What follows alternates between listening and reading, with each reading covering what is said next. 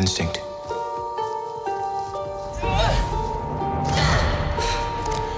Feeling. The force brought us together. Hei og velkommen til en ny episode av Filmsamtalen. Eh, Jeg har med meg eh, min nye og veldig flinke vikar igjen, Johan Fasting. Hallo, hallo. I dag er vi, og jeg er Gry Rustad, eh, vi er tilbake for å snakke om ja, vinterens eller julas store filmhøydepunkt. I hvert fall for en del fanboys der ute, og en del andre. Jeg snakker selvsagt om Cats. Nei da. Jeg snakker om Star Wars Rise of Skywalker, som jo han og jeg akkurat har sett på pressevisning. Eh, og vi sitter nå i kafeen på Filmens hus og skal snakke litt om filmen. Vi tenkte å prøve å gjøre det litt sånn spoilerfritt i begynnelsen, men det kommer nok en del spoilere her, så da kommer vi til å si ifra. Og da tror jeg det er smart å slå av denne podkasten, eller komme tilbake når du har sett filmen. Men ja, Johan. eh, vi kan jo begynne litt der. Altså, Hva er ditt forhold til Star Wars? Jeg er jo en veldig klassisk eh, ja, hvit mann som jo har vokst opp med Star Wars fra barndommen og hatt det som et veldig nært og kjært eh, En nær og kjær tittel. eh, gjennom hele oppveksten og hele tenåren og også gjennom voksen alder. Så jeg er jo en Star Wars-fan eh, gjennom oppveksten, absolutt. Og så har jo forholdet mitt til Star Wars blitt mer komplisert med, med årene. Men fortsatt, i, i bunn og grunn, elsker jeg Star Wars. Ja. Eh, Hva er ditt forhold til de nye filmene, altså den nye trilogien? Nei, nei, det er jo det er der det begynner å bli litt, eh, litt komplisert. Ja. For jeg har egentlig problemer med begge disse nye, nye filmene på veldig veldig forskjellige måter. Så jeg var veldig spent på hvordan denne tredje filmen skulle på en måte nøste, nøste dette sammen.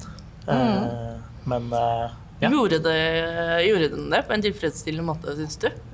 Den nøstet jo sammen. Om det er en tilfredsstillende måte, må det jo, tror jeg kommer til å variere enormt fra publikummer til publikummer.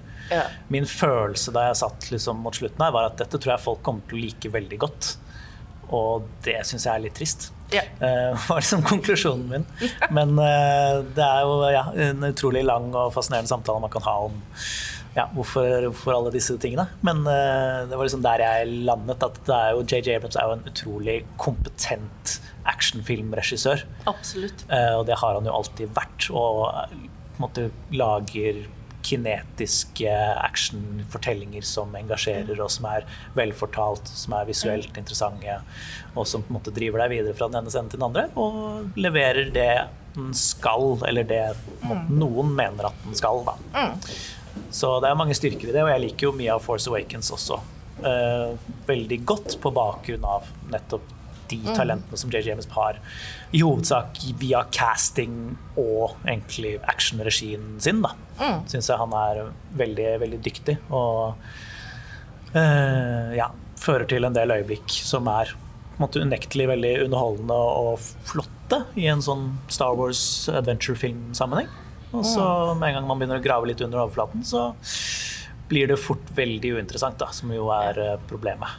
Ja, han, I det samarbeidet som eh, startet Lost, en TV-serie han lagde med Damon Lindelof, så kan man jo kanskje si at JJ er ikke den som er den mest kreative og innovative av de to. Nei, men JJ, der bidro JJ med det han er veldig god til. Altså Ikke at den piloten er kanskje en av de beste og mest Mm. engasjerende pilotene som er laget, fordi den er så ekstremt kinetisk og engasjerende Mm. og intens i måten den drar deg inn i universet på gjennom flysturten og liksom klarer å få alle hekta og Mm. gi publikum akkurat det de trenger av, en sånn, av et underholdningsprodukt. Da. Så det det er han kanskje- JJ veldig ja. flink til. Så kanskje det han egentlig hadde trengt, eller det, det kan vi komme mer inn på senere, men en annen manusforfatter, kanskje, som var litt mer Ja, jeg har nettopp sett ferdig Watchmen, som jo er en TV-serie skrevet av nettopp Damon Lindelof, som jo har en del av de samme utfordringene. Da, at den skal følge opp et liksom, populært, populærkulturelt brand om å liksom, leve opp til visse forventninger, men har jo noen ambisjoner som JJ eh, Abrams eh, mangler eh, i veldig stor grad. Da. Men jeg vet ikke hvor mye vi skal snakke om Watchmen her. Men jeg har en tendens til at alt jeg snakker om, uansett om det er fotball eller ikke, ender opp med å bli en Watchmen-samtale de siste ukene. Så jeg skal prøve, prøve å holde meg for god for den. Men jeg også tenkte at å herregud, tenk så bra denne filmen kunne vært hvis Damon hadde skrevet manuset. Ja, det tror jeg mange som ennå ikke har sett Watchmen og Leftovers, som kommer til å Hæ! Det Villeneuve, han Lost-fyren som skrev på Missis, han suger jo. Ja. Men eh, nei, det, jeg, jeg er enig. Jeg hadde trengt mer av den ambisjonen som ligger i Watchmen, i hvert fall. Absolutt. Fordi det syns jeg jo jeg syns, altså, dette er Jeg er jo helt enig med deg. Det er en veldig sånn kompetent film. Det er en god action-håndverkfilm.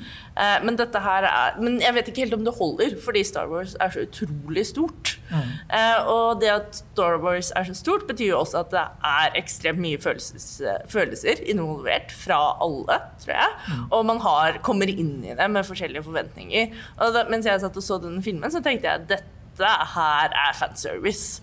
Eh, det er kjempekjedelig fanservice. Dette her Fansen han JJ gir fansen det de vil ha, og det gjør det til en ganske kjedelig film, Ja. syns jeg. Ja, det er jeg enig i. Det er det som er problemet med både Force Awakens og denne filmen. At det er 90% nostalgi.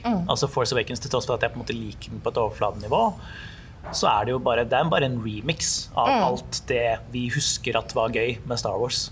Mikset inn og blandet sammen, men det er veldig lite nytt. Jeg så Force Awakens om igjen i går bare for å lade opp, og det eneste som er nytt i Force Awakens, er jo ideen om Finn, altså en Ja. stormtrooper med en samvittighet. Ja. Det er det eneste nye elementen, eneste nye karakteren. Alt annet som skjer i den filmen, er bare remix av gamle Star Wars-tradisjoner. Uh, og det liksom er grunnen til at den funker når jeg ser den, for jeg får det der nostalgisukkertøyet. Uh, mm. igjen av Watchmen. Men eh, den nostalgien funker jo veldig bra for meg, da, som er Star Wars-fan i øyeblikket. Men, det jeg ser tilbake på det, men dette her er jo helt uinteressant. Og så kommer Ryan Johnson med en film som The Last Jedi. da, som Det er veldig tydelig at Ryan Johnson har hatt akkurat følelsen av å se Force Awakens. At alle disse valgene her er drevet av nostalgi, at de er helt egentlig uinteressante. Eh, og bruker da hele Last Jedi bare på å reversere alle valgene som JJ Abrams har tatt. Som er jo en fascinerende øvelse på mange måter. Eh, men som jeg syns er veldig fascinerende løst da, av eh, Ryan Johnson. Men som de som likte Force Awakens og JJ Abrams, nok opplever som at Ryan Johnson gir dem fingeren. Ja. Eh, som fører til at vi nå sitter her etter at Ryan Johnson er ferdig med å reversere alle valgene som JJ Abrams har tatt. Så skal JJ Abrams nå reversere de tilbake igjen til Ja. nostalgien. Ja. Der hvor Ryan Johnson prøvde å lage en progressiv film, film som dro Star Wars-universet videre inn i fremtiden. Man kan se på det som nærmest en sosialistisk mission statement for Star Wars, som hadde ekstremt mange interessante tematiske mye interessant tematisk tankegods i bunn, da. Men som nå bare er forkastet. Akkurat som Ryan Johnson forkastet all nostalgien til JJ Abrams. Så er det på en måte en sånn utrolig absurd dragkamp. For jeg sitter og ser den filmen og bare lurer på hvorfor i helvete har noen av dere laget noen av disse filmene? Hvorfor har Ryan Johnson laget en oppfølger til en film hvor han hater alle valgene som er tatt i den filmen? Og hvorfor har nå JJ Abrams fått nøkkelen til å skulle reversere alle de valgene? Jeg syns det er en helt sånn absurd En såkalt Raycon. Raycon, ja. Begrepet jeg ikke skjønte første gang du sa det, men du snakker da om en retcon, ikke sant? Som i eh, nerdete fansirkler er Og Ja. hva er en retconning? Det er jo at man går tilbake på en historie Ja. som allerede har vært Kanskje det mest kjente i TV-historien som jeg vet om, er jo da Bobby Ewing dør i Dallas. Beklager den 30 år gamle spoileren. Eh, og så um, viser det seg eh, sesongen etterpå at alt som har skjedd i den sesongen vi akkurat har sett, eh, var bare en drøm. Han hadde det i dusjen. og så er vi tilbake igjen. Ja. Det er retcon, det. Det, det er en retcon. Ja, dette er, ja, ja, dette, er- da, da var, det du som begynte spoilerpraten her. Jeg vil kalle det en raycon, men det er jo en del eh, ja, Noen valg som tas her angående Ray, og ting som er satt opp i Last Jedi, som ja, bare forkastes. Akkurat som det var det tilsvarende med Force Awakens og inn i Last Jedi, at det var ting som bare ble forkastet veldig fort. da. Ja. I Last Jedi så var det på en måte at Adam Driver skal gå rundt i en Darth Vader-maske. Vet du hva, Drit i det. det har vi, vi har sett Darth Vader i tre filmer. La han få lov å være Adam Driver. Knuser den maska med en gang. Eh, vi vil ikke ha Darth Vader, det er kjedelig. Vi har sett det før. Og så kommer Snoke, og her er en gammel, ekkel fyr som er en liksom hertug, keiserfyr med onde krefter som sitter i en stol og er mystisk. Ok, Han har vi sett også tusen ganger før, fordi det er The Emperor. Vi yeah. dreper han, vi driter i han. Yeah. Vi prøver å fortelle noe nytt. Det var liksom Ryan Johnson, hele Ryan Johnson sitt prosjekt. Og så kommer den filmen her, og så er det bare sånn ah, ja ja. Så må de bare bruke sykt mye energi på å liksom hente tilbake alle de tingene. Altså, okay, hva, for Noe av det første som skjer i, i den filmen, er at han, ja, han stifter sammen maska igjen. Ja. Tar den på seg. Ok, greit. Men er dette, har det, er dette noe med publikum å gjøre? Er det liksom publikum, hvor er publikum i denne, dette regnestykket? Hvor nå vi må bruke energi på en andre film, for han skal knuse maska fordi vi er ferdig med det, og nå må vi bruke energi på han skal lime den sammen igjen, for han skal ha den på seg. Det er liksom en dragkamp mellom to sånne popkulturautører som jeg føler at publikum fortjener egentlig bedre. De hadde fortjent at det var, én story som ble fortalt fra start til slutt. Det er nesten bedre om JJ Abrams hadde fått lov å lage en tre filmer lang, litt uinteressant Ja. nostalgihistorie. Og så kunne Ryan skulle- Johnson gjort noe helt nytt Ja. og annet i det samme universet. Men når de først har latt Ryan Johnson lage sin film, da, de, da må de ta ansvar for Vi har tatt noen valg i denne filmen her, og vi skal gå videre med de valgene. Og hoppe videre fra den slutten i Last Jedi som handler om at vet du hva, The Force er ikke en mytologisk nedarvet kraft som bare The Chosen One kan få. Den tilhører alle. Ja. er jo på en måte en nydelig tematikk å formidle til et ungt publikum som sitter og ser denne filmen over hele verden. Det var der den forrige filmen sluttet, med en random foreldreløs arbeiderklassegutt som så ut på stjernene og kjente at han også kunne bruke The Force. Utrolig vakkert sted å slutte. Mm. Ja. Og det er, jo der, det er jo der de skulle gå videre nå. Det, er jo liksom, okay, det var status quo på slutten av Last Jedi. Hvor går veien videre nå når The Force er noe som alle, ikke bare liksom dynastiet Skywalker, kan benytte seg av? Mm. Hvor skal vi da? Det er jo det som er interessant, og det er Jerry Rames helt uinteressert i. Ja. Eh, Det her synes jeg er veldig interessant, så før vi kommer over på de ordentlige spoilerne her, eh, så har jeg lyst til å gå litt inn, mer inn på Last Jedi, som jeg må si kanskje er min favorittfilm i hele av alle Star Wars-filmene, eh, ved siden av Empire Strikes Back, selvsagt. Men jeg tror kanskje jeg holder veldig mye av det du akkurat sa, Uh, Last Jedi, som kanskje den beste Star Wars-filmen. Men du sa til meg tidligere i dag at du var ambivalent til den. Ja, jeg liker jo Altså Jeg syns det er irriterende med Last Jedi da, at Ryan Johnson må bruke så sykt mye energi på å snu på alt. At han er mer opptatt av å gjøre det motsatte av det man forventer i alle scenene. Som føler at det går på bekostning av min emosjonelle innlevelse i storyen. Da. Og jeg er jo en yeah. gammel Star Wars-fan, så jeg vil jo ha den der emosjonelle adrenalinkicket hele veien gjennom. Og det føler jeg at jeg mister litt av Last Jedi. Da. Men når jeg har sett den filmen her, så elsker jeg Last Jedi. Jeg er bare sånn, faen, Last Jedi er den beste filmen noensinne. Kan vi bare kaste alt JJ Abrams har gjort på sjøen, liksom? Fordi det er så endelig bevis på at JJ er bare faen er ikke interessert i noe tematisk innhold, liksom. Det har vært et problem gjennom hele karrieren hans. det er bare nostalgi hele veien. Overflate. Ja, og jeg, måte, jeg har, har vært skeptisk til Last Jedi. Nå elsker jeg Last Jedi. Ja. Men, uh, Og jeg må jo si at jeg faktisk syns Last Jedi var også mer visuelt uh, interessant enn denne. Mm. Altså, Den så jo fin ut, men uh, Last Jedi har noen scener som jeg husker jeg fikk altså, nesten miste pusten av. Mm. Sånn når de er på den der røde sandplaneten, og plutselig så kommer disse røde sandskyene opp. Og ja, Den ser jo helt fantastisk ut. Mm. Men ja, kanskje vi skal gå over på spoilerpraten. Altså Som du, dere kanskje har skjønt, eh, så er vel ingen av oss sånn kjempefornøyd med filmen. nei.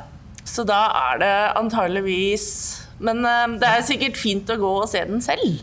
Eh, og så kan man jo komme tilbake og høre på hva vi syns, med eller spoilere. Eller vil du si noe først? Ja, nei, jeg vet ikke, jeg føler jeg egentlig har sagt det jeg mener uten spoilere. Altså, jeg vet ikke, jeg har ikke så fryktelig mye mer Jeg har ikke så mye behov for å gå inn i de spoilerne nødvendigvis. Men det er jo sånn, en ting som er verdt å si, er at det er umulig for meg å separere Star Wars nå fra samtalen rundt Star Wars. Så det er liksom viktig, tror jeg det jeg mener, det jeg sa i starten. at Jeg tror at veldig mange kommer til å like den filmen. Og jeg tror hvis du ikke har fulgt samtalen rundt Star Wars overhodet, så kommer du til å like den. Eh, hvis du likte Force Awakens og syntes Last Jedi var litt sånn Hæ? Så kommer du til å like den. Eh, og det er liksom Fordi det er en kompetent blockbuster på en måte som gir deg alt det man liksom forventer av Star Wars. Jeg, bare, ja, jeg personlig syns det er en Ja. bummer nedtur. Da. Jeg har noen spoilere jeg har lyst til å diskutere, som jeg satt og tenkte. Fordi eh, det er jo en detalj her eh, som gjør filmen, syns jeg, egentlig faktisk veldig, veldig ekkel. For jeg satt gjennom hele filmen og tenkte å, herregud. Og nå er vi på spoiler her, så slå virkelig av. Eh, har virkelig Palpatine pult? Ja, ja, han har fått det- en, altså, det- sønn, han. Det, det var så ekkelt å tenke på, og jeg syns det var så dumt. Altså, dette her er noe av det dummeste valget jeg noensinne har blitt sett gjort på film. At Palpatine liksom skal ha fått en sønn, som da har fått en datter som er Ray. Det er jo helt idiotisk! Altså, når du gjorde det, så hadde jeg, jeg fikk vondt inni meg. Men hva, hva er det du sliter med der? At han, fordi han er ekkel, så har han, at han har hatt sex?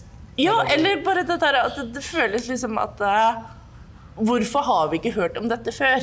At Palpatine har en sønn. Jeg føler at det burde vært ganske sentralt. Det var vel planen til Jerry at det skulle opp i den andre filmen, da. Eh, sikkert. Men så Ja, var jo tror du det? Plant... Nei, altså, jeg vet ikke, men det er åpenbart at det, når Ryan Johnson skrev inn at Ray har ikke noen foreldre, og at det er poenget, Ja. at hun er bare en nobody, Ja. så var ikke det en del av JJ sin plan, som gjør at han må liksom fortelle ting ja, litt Ja. eh, han må, jeg vet ikke om han egentlig hadde tenkt å hente inn Palpatine overhodet. før han Nei. så Last Jedi. Jeg tipper at Snoke skulle spille den rollen som Ja. Palpatine spiller her. Og måtte likevel at hun skulle være liksom barnebarnet til Palpatine. Men Ja. jeg tror det er litt sånn de Men har altså, jeg hadde kjøpt det hvis man hadde fått noe hint til at Palpatine har noen barn, eller har et barn i den liksom prequel-trilogien her. Altså, vi blir godt kjent med Palpatine gjennom de tre Ja, det vet jeg ikke om jeg er i. Altså, men, okay. men vi får vite mer om livet hans, i hvert fall. Hva vet vi om Palpatine? Vi vet du ikke en dritt om Palpatine. Jo, vi gjør jo det. Han Altså, han var jo senator senator. Ja, ja. Ja. Og så sitter han i en stol gjennom hele den originale trilogien. Og så dør han. men han kunne jo altså, det, Men når har han fått denne sønnen, da? Han må jo ha gjort det før han ble litt sånn stygg og Han må jo ikke det. Det er jo altså masse ekle, gamle patriark-bastards i virkelig verden. Har jo, Altså, får synes- barn hele tiden, Ja. Ja, jeg syns det var Og så har du liksom denne midichlorian-varianten, Ja. hvor han trenger jo ikke nødvendigvis ha pult for å få barn. Det er sant. Å, herregud. Så her, eh, nå er vi inne på de, de juicy detaljene som vi trenger å diskutere. Men eh, ja, Altså, da, ja. Her- Men poenget ja. er vel at eh, ja, godeste Ray selv om vi ble fortalt i forrige film at hun ikke har noen foreldre som betyr noe, at hun bare er en arbeiderklassen er- arbeiderklasse nobody, er hun da barnebarnet til senator Palpatine, som i første scenen i denne filmen her har da stått opp fra de døde og trekker i trådene for å måte, dra oss tilbake til den samme slutten som var i Return of the Jedi, er jo egentlig dit de vil, da. Fordi Ja. hvis ikke vi har sett det før, så har det jo ikke noe verdi. Nei. Eh, Så ja, det er jo der vi er, og det har vært et av de største spørsmålene om ja, Ray og Last Jedi og måte, den Ja. der ideologiske konflikten som har utspilt seg rundt Star Wars utenfor Star Wars, da, på Mm. internett og i diskusjonsforum og sånn, om på en måte har, har Star Wars et ansvar om å skulle handle om måte Skywalker-klanen og The Hero's Journey og liksom Mm. The Chosen One, som er den ene utvalgte som kan liksom restore Mm. the balance to the force. Uh, og det er tydeligvis konklusjonen at ja, det må handle om det. Ja. Ja. Uh, I hvert fall disse filmene. Altså, jeg er jo veldig fan av Mandalorian, eh, som antageligvis dukker opp på en skjerm i Norge over jul. som da er en serie som handler om en Mandalorian, altså samme Er det en det er, ja, jeg har ikke sett den. Nasjonalitet som Boba Fett, tror jeg. Jeg vet ikke helt om det er nasjonalitet eller Ja, men han er jo en sånn bounty Ja, ja. western-samurai, er Ja, jo. jo. Eh, og Baby Yoda. Altså, jeg føler ikke at dette er noen spoiler, fordi jeg tror hele internett har fått med seg at det er en Baby Yoda. Um, eh, men der befinner vi oss i et sånt helt annet univers. Det er en sånn god, gammeldags episodisk serie som er litt sånn som Bonanza, nesten. Altså, disse to reiser fra planet til planet, og så har de et nytt eventyr. Og det er så befriende å slippe unna alle disse der dynastiene, all mytologien, alt dette som liksom gjorde denne filmen utrolig kjip å se, og kjedelig og uinteressant. Eh, og den, altså, den ble jo nesten sånn halvreligiøs på slutten der. Hvor det er liksom Du tar, har alle disse Jesus-mytene. Altså, man står opp igjen fra de døde, og Altså, det er Ja, nei. Ja, ja. Nei, alt som skjer, er jo bare det samme som har skjedd i de forrige filmene, bare med en liten twist. Altså, det, er, det er remixen. Ja. Uh, og det blir jo kjedelig også på slutten, liksom, når keiseren sitter der i stolen sin, og det er lightning, og Ja. Darth Vader kastes ned i hull, og ja, Ja. men nå var det ikke Darth, nå var det omvendt. Det, er liksom, det er bare akkurat de samme tingene som skjer i, Ja. hele, i begge J.J. Abrams-filmer. så er det akkurat de samme tingene som skjer, det er bare med en litt annen karakter det skjer Ja. med. Som er bare sånn, Men det er jo ikke noe interessant. Det er jo dritboring, liksom. Å se på Force Awakens liksom, handler om en foreldreløs tenåring som bor i en ørkenplanet, og så faller det en drone ned fra himmelen med et hemmelig budskap som er veldig viktig, som må overleveres til motstandsbevegelsen. Og så blir denne tenåringen dratt med ut på et eventyr sammen med en rappkjefta, kul pilot som er verdens beste pilot, inn på et eventyr hvor hun vikles inn i liksom store imperier hvor er den svarte svartkappede mannen med svart maske er veldig skummel og dreper folk. Og alt er bare helt nøyaktig det samme. liksom. Eh, de har bare byttet navn på karakterene. Og i Force Awakens er det eneste de har å komme med, er liksom Finn. Eh, og her i denne siste filmen så aner jeg det er, ja, de Det har er ingenting. ingenting, ingenting. Nei, det er ikke noe nytt. Nei. Så i liksom Force Awakens har i hvert fall Finn, og de har måte, i det sånn metaperspektivet om at ok, nå er det en kvinne. Som jeg, måte, Det øyeblikket i snøen hvor Ray måte plukker opp lightsaberen og slår uh, Kylo Ren med liksom Star Wars-musikken triumferende i bakgrunnen, det tenkte jeg ok, dette her er rått. liksom. At på en måte, dette filmatiske, ikoniske øyeblikket som inntil nå har vært forbeholdt folk som meg, da. Altså unge gutter og menn, liksom, som har vært liksom deres historie. At nå får på en måte, unge jenter som sitter i kinosalen, kjenne på det triumferende øyeblikket hvor de kan bruke The Force og vinne den store kampen. Eh, som jeg syns var på en måte veldig rørende da jeg så det. Og en ganske viktig del av Force Awakens. Men i denne filmen her så er det Jeg har ingen, ingen sånne argumenter å komme med for hvorfor hva, hvorfor trenger vi denne historien? Hvilken oppbyggende effekt har det på publikum i verden over? Liksom? Null er null å komme. Altså, de konservative fanboysene vil jo bli antageligvis veldig lykkelige, da. Og Ja, ja. Disney kommer til å tjene masse penger, så der tror jeg du har grunnen din. Altså, Ja. Disney kommer til å tjene veldig mye penger. Ja, det gjør de jo, men de tjente jo veldig mye penger på Last Jedi også. De tjente jo 1,3 milliarder. Det var den mest, tjent, altså mest innbringende filmen det året. Er på topp ti noensinne. Så folk ser jo Star Wars uansett. Og jeg Mm. tror at, men jeg er enig i at Ryan Johnson tar noen grep som er litt distanserende for publikummet, men at det fins en middelvei der da, som på måte Mm. ikke er å måte, svinge pendelen helt tilbake, som J.J. Abrams har uttalt i et intervju. Men jeg Altså- vil, ja. og så er det også bare kom på det øyeblikket hvor, eh, hvor Ray står og kaster uh, lightsaberen sin på ilden. Oh, Og så kommer Mark Hamill ut av flammene og tar imot lightsaberen og sier det er ingen måte å behandle et jedi-våpen på. Som er bare den største fuck you-en til, uh, Ryan til Johnson, Ja, til Ryan Johnson. Som igjen, da Ryan Johnson lot Mark Hamill kaste den lightsaberen i starten av Last Jedi, så var det et fuck you til alt JJ Abrams hadde sagt opp. Så jeg bare skjønner, Hva får publikum ut av at her sitter det to sånne folk og bare gir hverandre fingeren, liksom? Jeg bare, jeg skjønner ikke. Men uh, det, Nei, jeg- jeg bare syns det er utrolig barnslig av JJ Abrams. Det er det jeg syns. Jeg synes Ja. han bare, bare, vet du hva? Skjerp deg. Mm. Kom igjen, liksom. Ta, ta Innse at nå har noen andre kommet inn og gjort noen valg, liksom. Og bare lev med det. Ikke Mm. ta hevn. Ikke slå tilbake fordi du føler deg tråkka på, liksom. Altså Det ene øyeblikket altså Nå gråter jeg veldig lett, da. Mm. Men det ene øyeblikket som fikk, gjorde at jeg fikk litt tårer i øynene, var jo faktisk den ene fortsettelsen av at dette var en krig for alle. Og det er jo når Helt på slutten, når uh, Lando og Chewie dukker opp i Millennium Falcon med en sånn armé av helt vanlige mennesker. Da merket jeg at Mm. Jeg fikk litt sånn Det var- «Åh». Ja, men det er, For meg falt det helt igjennom. Fordi ja, men Dette her fortalte jo Ryan Johnson i forrige film. Ikke sant? Og nå har du brukt liksom to timer på å ignorere det, og så plutselig skal de bare dukke opp nå. Mm. Som jeg, jeg vet ikke, jeg ble bare provosert av det også. Jeg liksom, ok, Så du skjønner det litt, du bare gidder ikke liksom. Du gidder ikke fortelle det. Tenk hvis de hadde fulgt han jeg, jeg, jeg skal ikke begynne å gå inn i hvordan, hva jeg tror Ryan Johnson kunne gjort med dette, men han kunne gjort mye mer. Han kunne gjort yeah. akkurat det samme, fått akkurat den samme emosjonelle liksom, yeah. adrenalinkick-payoffen, men fulgt opp den tematikken som er satt opp. Da, og Mm. gitt oss en film som kunne gått med i historien til både være ekstremt underholdende, være Star Wars, være alt det man ønsker seg, men også handle om noe, ha et Mm. tematisk premiss man ønsker å kommunisere. Og det er så, føles som en sinnssykt lost opportunity som jeg blir som fuckings provosert av. Jeg også blir ganske irritert. Og jeg tror jeg heller ville ha anbefalt folk å bare gå og se Knives Out, den nye filmen til Ryan Johnson, som nå er på kino. Eh, Som er bare en sånn helt nydelig, god, gammeldags uh, Agathe Christie-historie, men kjempesosialistisk. og antirasistisk. Det er helt nydelig hvordan han klarer å gjøre altså, tematikk sånn, sånn, som man gjør i Last Jedi. Da. Sånn, eh, sosial kamp, altså politisk kamp, til noe som er superunderholdende, er helt nydelig.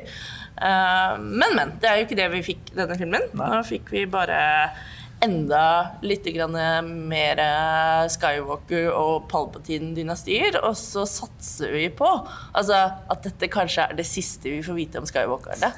Og at eh, Så kan vi bare ta, jeg må ha et spørsmål. ja. Er, kan, er populærkulturen politisk? Kan, kan, er, kan Star Wars ikke være politisk? Hvor er du på denne? Det er jo det de vil si, da. At vi vil ikke ha politikk inn i underholdningsproduktene våre. Og Last Jedi var for politisk. ikke sant? Den var for politisk korrekt. Det var for mye representasjon av minoriteter. Den brukte for mye energi på det. Og på en måte kastet av den hvite mannen Luke Skywalker under bussen for å få til på en måte, sitt politiske, sin politiske agenda. Men det? selvsagt så er populærkultur politisk. Og det er jo gjerne i den virkelige, eller sånn store sjangerfilmene hvor du kanskje finner det mest interessante og subversive temaene og budskapene, vil jeg faktisk si. Altså det er ja, i filmteorien jeg vet ikke om du måtte lese den noen gang, Johan, men så er det jo denne artikkelen av Kamolya Narboni, hvor de, har, de deler inn filmer ut ifra hvor politiske de er. Eh, og da er jo den mest interessante kategorien er jo filmer som tilsynelatende eh, hører til i systemet, men som har en sånn subversiv idé da, om eh, verden. Um, og, men det som er interessant nå, er jo at populærkulturen er jo så polarisert. At det er jo ingenting som ikke er politisk. Altså, det at denne filmen kommer til å bli elsket av disse konservative fanboysene, gjør den jo på måte mer til en sånn idé som passer med deres ideologi. Da, ikke sant? At den hvite mannen stiger opp igjen, og dette her er religion, og dette er mytologi, og dette er kampen mellom det gode og onde. Ikke sant? Så den går jo tilbake til de gamle heltemytene, da, som man kanskje kan eh, sette i forbindelse med liksom, den mer sånn kapitalistiske, nyliberale, individualistiske måten å lese verden på. Hva syns du? Nei, nei, jeg er enig. Så jeg blir jo alltid provosert av måte, ideen om jeg vil ikke ha politikk inn i ja, men Det er jo, det er jo politisk. Alle filmene til Michael Bay er politiske. De bare bygger opp under måte, et patriarkalsk kapitalistisk status quo. Og det er jo det som har skjedd med Star Wars nå. At, måte, ja, nå har vi gått tilbake til status quo. Nå har vi gått, tilbake, vi har gått 50 år tilbake i tid. Vi var, liksom, vi var på vei inn i fremtiden, og så er vi gått tilbake til status quo. Og det som var da ja. ja, Og så jeg påstår at det ikke er politisk, er jo på en måte ganske ja, tåpelig, syns jeg. Og det som kanskje er mest irriterende, er jo at du har politikk på to forskjellige nivåer. Altså man kan jo si at Force Awakens og var veldig god på såkalt identitetspolitikk. Da. At du har kvinne, du har en farget Altså du har nye identiteter i rollene. Ja. Men det er jo ikke nok. Fordi den uh, går jo fremdeles uh, Altså, Den underbygger jo fremdeles altså, verdenssynet, det rådende verdenssynet i dag. Ja, ja. Nei, altså, det er jo sånt bitte lite eh, kommersielt eh, kom kommersvennlig skritt i riktig retning. Men eh, når man først fikk Last Jedi, som tok et sånn større hopp i riktig retning, så her det, ser man jo forskjellen på det. Og så kan man jo si litt om fanbasen til Star Wars også. Jeg Uh, er jo veldig glad i Baby Yoda. og klarte å poste et sånt meme i en sånn Baby Yoda-gruppe. Så for første gangen i mitt liv så jeg ble kastet ut av en gruppe. Fordi jeg klarte å kaste, uh, poste med hvor jeg liksom skriver at Baby Yoda er jo den perfekte liksom, maskotten til Greta Thunberg, og at Baby Yoda skal hjelpe henne å redde verden fra klimaendringer. Da. Og folk ble så sinna! Herregud, jeg har aldri sett folk bli så sinna. Og jeg er veldig veldig lei meg for at jeg ikke screenshotet dette. Det hadde jo blitt en fantastisk artikkel. I løpet av syv timer tror jeg så hadde den, altså det memet hadde 600 kommentarer av kjempesinna mennesker. Eh, og jeg tenker Det sier kanskje noe også om hvor ikke alle, selvsagt, men store deler av Star Wars-fanbasen er da, politisk. Og da nytter det kanskje ikke å ha en mer eh, progressiv historie. Hvis Jeg vet ikke. Nei, altså ikke hvis du Nei, hvis du vil gi folk det de vil ha, og gjøre dem liksom, gjør den liksom kjernemålgruppen eh, lykkelig og tilfreds, så kan du jo ikke utfordre dem. Folk liker jo ikke forandring, vi vil jo ikke Nei. ha forandring. Så det er jo ja, problemet. Ja. Så da kommer vi ingen vei. Så da, da får man filmer som Joker, da. Hva får vi da? Når? Eh, Filmer som The Joker og denne. Altså, det, er, det er de filmene vi får. Ja, så du, ja, fordi du mener Joker bygger opp under eh, Ja, ja, ja. Altså, det er jo en nyliberal film som prøver å kritisere nyliberalismen, og det fungerer jo ikke. Mm. Nei, jeg kan, jeg kan være tilbøyelig til å være enig. Eller det var kanskje å- overdrevet selv eh, sagt. Man kan jo gå på kino og se Knives Out. Det kan man. Knives Out burde man se. Ikke at jeg har sett, men stole stoler Ja. på Ryan. Ja, absolutt. Men uh, ja, jeg tror vi har klagd nok på Rise of Skywalker nå, eller har du noe mer? Nei, Om jeg har noe mer, eh, mer usagt? Nei. eh, Nei, jeg vet ikke. Men jeg, altså, ja, nei, det er bare det at jeg tror ikke jeg, jeg tror på en måte, ja, Vår opplevelse av dette er jo på en måte farget av at vi er så veldig med i samtalen. Ellers er de fleste som går og ser denne filmen, er jo ikke med på denne samtalen. Nei. Eh, Det er- så Og det er en god actionfilm. Altså, herregud. Det er eh, masse kule actionsekvenser, og det er karakterer som man liker, fordi, som sagt, det er jo karakterer man kjenner fra langt, langt tilbake. ja. Eh, men ja, jeg tror Men jeg har litt tro på Star Wars-universet, spesielt etter å ha sett Mandalorian. Jeg er veldig spent på disse nye seriene, og det legges vel opp til Men men er ikke Mandalorian også veldig nostalgidrevet? Jo, den er det men den er i hvert fall ikke sånn dynastidrevet. Altså, den er, men den er nostalgidrevet på en helt annen måte. Det er gammeldags TV. Ja. ja, nei, jeg lar meg friste. Jeg har tanken på en samurai-western i Star Wars-universet, så jeg gleder meg til å se den. Men ja. Uh, men ja, så vi får liksom se da hva de får ut av det. Det, det. det er ikke det siste vi får fra Star Wars-universet, men vi kan jo alle håpe på at vi kan legge den Skywalker-sagaen død nå. Jeg håper i hvert fall det. ja, Um, det hadde vært noe. du virker skeptisk. Ja, jeg, jeg vet ikke, jeg blir overrasket over de dårlige valgene de har tatt her. Liksom, ja, hva er det nå? Er Death Star igjen. da. Ok, den tredje filmen med Death Star. Ja, hva er det nå? Er Palpatine. Ok, ja, fjerde filmen med Palpatine. ok. Og kommer det en ny altså I mellomtiden hadde vi Snoke, som var liksom, ja, totalt Ja. annerledes. Og så, jeg vet ikke, vi skal lage nye Palpatine dukker sikkert opp igjen. Han- De kommer til å tjene masse penger på den filmen. der, Så det er jo ingen som lærer noen lekser om at de burde Ja. Jeg kan si noe, da. Det denne, denne trilogien har gjort, i tillegg til Marriage Story, har gjort endelig overbevist meg om Adam Driver. Du har, alt- du har ikke likt han? Nei, ikke før nå. Altså før nå i det siste. Ja, Jeg har alltid likt han. Jeg syns han Ja. fortsatt er helt fantastisk. Han er Ja. det beste med denne filmen her også, vil jeg påstå. Dritkult å se han som actionhelt. Det, det var det jeg likte best, å se Adam Driver som, som redeemed actionhelt på slutten. Det, Ja. Da koste jeg meg. Oh, ja, jeg fikk faktisk litt sånn Keanu Reeves i John Wick-følelse av det. Og jeg bare «Woo!» Han er hot. Det er hot. Men da kan vi jo avslutte der, da, kanskje. På, Eller, ja. Og juble over Adam Driver. Der kan Ja. alle være enige. Ja, det er uh, fint. Den gir oss det. ok, Men da ønsker vi våre lyttere god jul Ja.